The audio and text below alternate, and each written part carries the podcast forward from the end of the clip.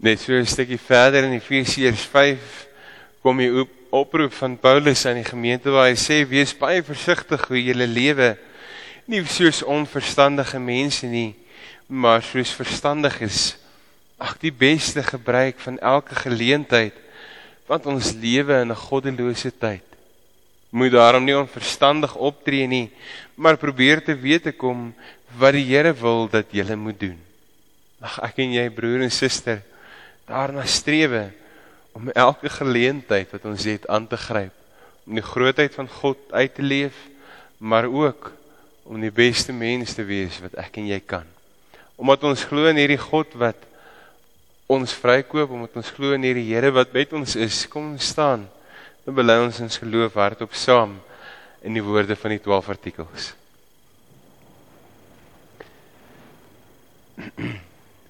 Ek glo in God die Vader, die almagtige, die skepper van die hemel en die aarde, en in Jesus Christus, sy enige gebore seun, ons Here, wat ontvang is van die Heilige Gees, gebore is uit die maagd Maria, wat gelei het onder Pontius Pilatus, gekruisig is, gesterf het en begrawe is en ter helle neergedaal het, wat op die derde dag weer opgestaan het uit die dode, wat opgevaar het na die hemel en sit aan die regterhand van God, die almagtige Vader, van waar hy sal kom om te oordeel die wat nog lewe en die wat reeds gesterf het.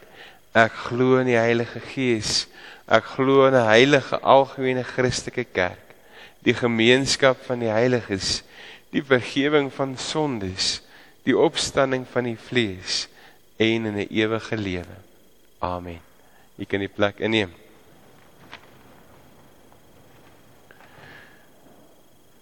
Broer en suster, ons skriflesing van môre kom uit die ook uit Efesiërs. Ons lees daar van vanaf vers in hoofstuk 4 vanaf vers 1 tot 6.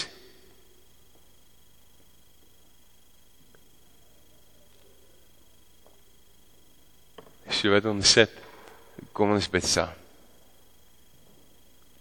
Here hier waar ons saam is, hier waar ons in die teenwoordigheid is, Here, kom bid ons. En ons kom vra U, Here, om U woord vir ons oop te breek. Here, in afhanklikheid kom bid ons dit. Ek kom vra U, Here, wees U hier. Ons kom bid dit en ons kom vra dit in U naam alleen. Amen. Efesiërs hoofstuk 4 vanaf vers 1. Ek trek julle dit op die hart. Ek wat 'n gevangene is omdat ek die Here dien. Laat julle lewens wandel in ooreenstemming wees met die roeping wat julle van God ontvang het. Wees altyd beskeie, vriendelik en geduldig en verdra mekaar in liefde. Lê julle daarop toe om die eenheid wat die Gees tussen julle gesmee het te handhaaf deur in vrede met mekaar te lewe. Daar is net een liggaam en net een gees, soos daar net een hoop is waartoe God julle geroep het. Daar is net een Here, een geloof, een doop, een God en Vader van almal. Hy wat oor almal is, deur almal werk en in almal woon. Tot sover ons skriflesing. As ons nou die res van die gedeelte gaan saam lees, sien ons hoe Paulus vir die gemeente kom sê van Efese kom sê maar lê kyk verder. Om dit te kan doen word daar gawes vir julle gegee. Julle word opgeroep gestuur en bekragtig deur die Gees wat by julle is. As ons dink aan die boek Efesiërs is Efesiërs 4 deel van die omsendbrief wat Paulus vir die gemeente in Klein-Asië gestuur het. Soos nou aan vandag se terme dink Westerkye in daai omgewing en hy skryf vir hierdie gemeente om hulle te bemoedig. Hy kom skryf vir hierdie gemeente juis om vir hulle te wys wat is God se bedoeling as vir hulle as gemeente vir hulle as kinders in die geloof En dan sê hy vir hulle hierdie aangrypende gedeelte om gedeelte om alles wat in die hemel en op die aarde is onder een hoof te verenig, naamlik onder Jesus Christus. As ons dink aan die tyd wat Paulus hierdie hierso skryf vir hierdie gemeente, skryf hy vir 'n gehoor aan die een kant wat Christene is, maar skryf hy ook vir 'n gemeente wat daar waarskynlik Joodse Christene of Jode was wat tot geloof gekom het in Christus. En hy sê vir hulle maar ons is hier as gelowiges saamgebind op grond van dit wat God vir my en vir jou sê. En in vers 1 lees ons dit wat ons nou ook weer saam gelees het, laat julle lewenswandel in ooreenstemming wees met die roeping wat julle van God ontvang het. Is asof Paulus vir hierdie gemeente kom sê as julle gelowig is en julle wens is om as gelowiges geken te word te word, leef dan so. Leef as ons nou dink aan die heeltyd wat ons wat die diens begin het, was die was die kern op lig. Leef dan as lig. Leef dan sodat die wêreld kan sien dat jy in God glo. En sommer dadelik in hierdie eerste vers wat ons saam lees, sien ons hoe Paulus vir hierdie gemeente kom sê maar die die die lewenswandel, hierdie ooreenstemming wat ons moet hê met moet daarop gefokus wees dat ek en jy dit wat ons uitleef wat ons van God ontvang. As ons dink aan geloof, gaan dit daaroor dat ek en jy 'n lewe leef wat eerstens geloofwaardig is. 'n Lewe wat sê wat jy sê wat jy is en dit wat jy is, leef jy uit. Geloofwaardigheid beteken dat ek so 'n bietjie vir myself sê, maar is my oggend en my aandpraatjies dieselfde. Daar waar ek alleen is, daar waar ek met my werkers werk, daar waar ek maak nie saak waar is nie. Leef ek geloofwaardig as Christen? Net so 'n bietjie vroeër in die boek Efesiërs in hoofstuk 1 beskryf Paulus die inhoud daarvan. En die inhoud lê daarvan dat ons juis vanuit ons roeping sal leef.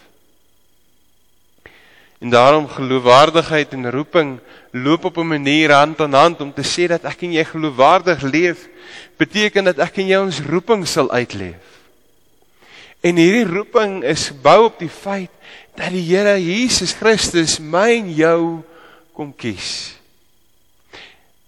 Dat ek en jy op grond van God se genade, op grond van God se liefde, op grond van dit wat die Here kom doen het in hierdie wêreld kan ingaan en kan sê maar Here, ons is hier.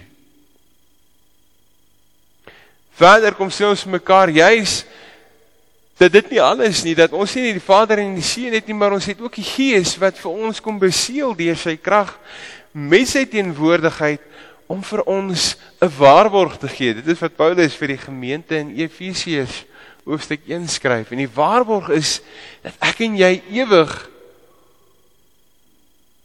by God sal wees. En so sien en beleef ons iets van God se grootheid, iets van God se genade van 'n lewe van geloofwaardigheid wat gebaseer is op ons roeping. En dit vra vir my en vir jou 'n sekere manier van lewe.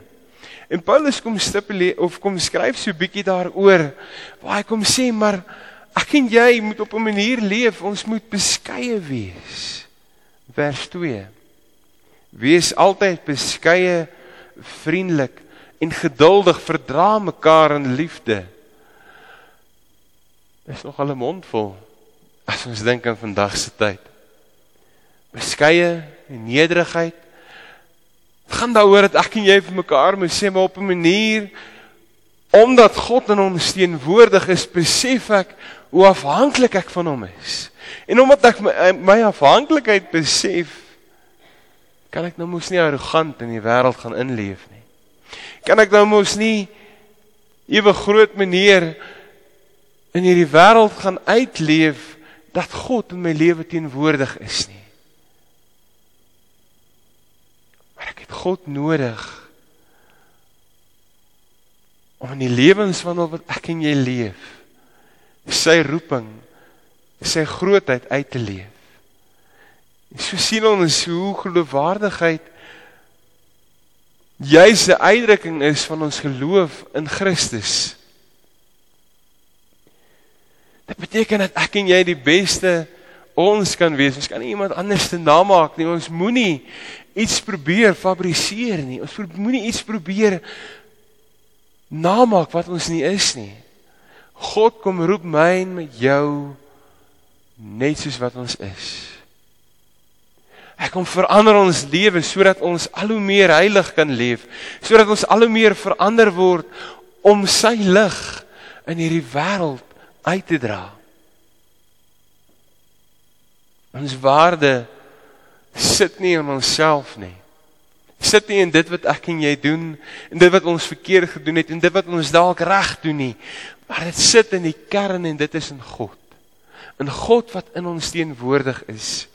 In God wat vir ons kom oproep om 'n lewe te leef waar ons ons roeping uitleef, waar ons geloofwaardig leef. En dit roep ons op hierdie twee goed tot 'n lewe van eenheid. 'n Lewe wat gebaseer is waar ons in verhouding staan een met God, Vader, Seun en Gees, maar ook met mekaar. Waar ons mekaar sien, maar ek en jy is hier. Maar ons het mekaar nodig. As ons dink aan die kerk, as ons dink aan as aan gemeente, bestaan ons nie vir onsself nie. Kan nie gaan net oor my nie. Dit gaan oor die gemeente, dit gaan oor wat God hier wil kom neersit. Dit gaan oor wat God wil kom doen in hierdie gemeente hier in Zastron, maar ook met my en met jou in ons persoonlike lewe. En hoe ons, as ons nou dink aan die prentjie van vroeër, by mekaar inhak hoe ons vir mekaar sê maar ons het mekaar nodig op elke terrein van ons lewe. Leef ons afhanklik een van God maar ook van mekaar. Op grond van ons roeping beleef ons God wat in ons lewe teenwoordig is. En leef ons die eenheid wat God vir my en vir jou kom gee. Kom leef ons uit. En ons sien dit hoe Paulus dit ook hier kom beskryf waar hy kom sê maar dis nie net vreemde goed nie. Dit is gebaseer op God wat 3 is maar tog 1 dis gebaseer op die drie eenheid. Die Vader as skepper die Seun as verlosser en die Gees wat ons kom begelei. En so word ons so word dit uitgebeeld hier reg deur die Bybel En ook hier in Efesiërs 4 waar Paulus vir hierdie gemeente kom sê op grond van die Vader, Seun en Gees wat een is, is ek en jy deel daarvan en word ons opgeroep om 'n lewe te leef waar ons vir mekaar omgee. As ons nou dit hoor, is die vraag nou maar wat maak ons hiermee? Wat maak ons met die besluit of die besef dat ons aan die een kant geloofwaardig moet leef, dat ons 'n roeping het en dat ons vir mekaar nodig het, dat ons 'n lewe van eenheid sal leef. Ons leef in 'n tyd in 'n omgewing wat ons dalk reël waarskynlik moedeloos is. Ons kyk in die wêreld wat elke aspek vir mekaar waar ons mekaar kan sê maar as ons begin by politiek ons dink sommer aan Julius en almal is vuur en vlam ons is kwaad.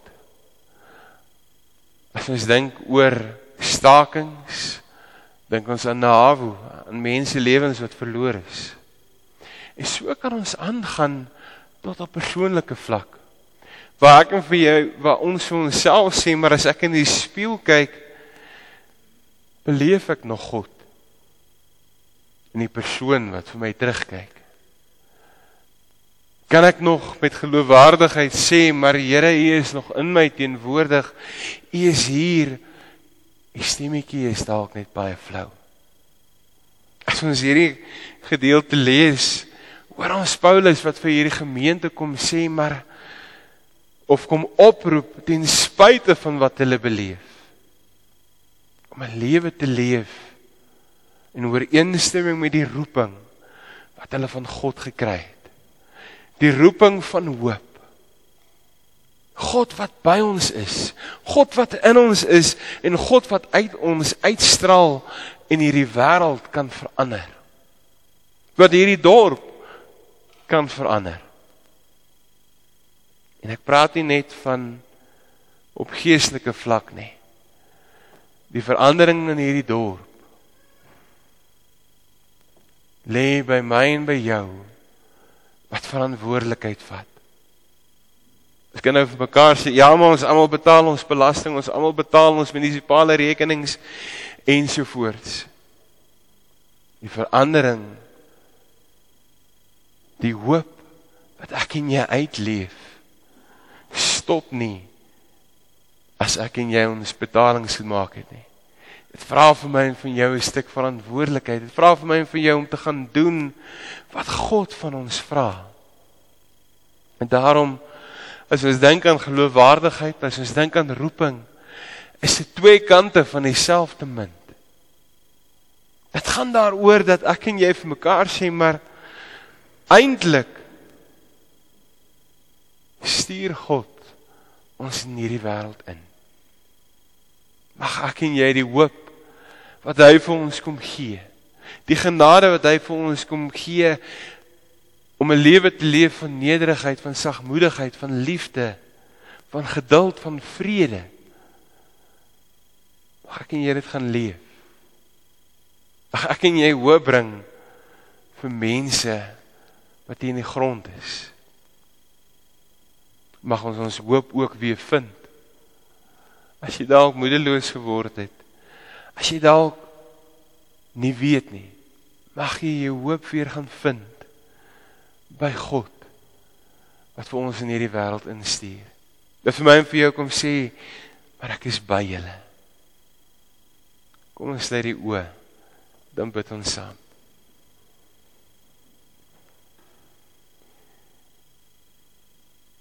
Here, dankie Here dat ons hier kan wees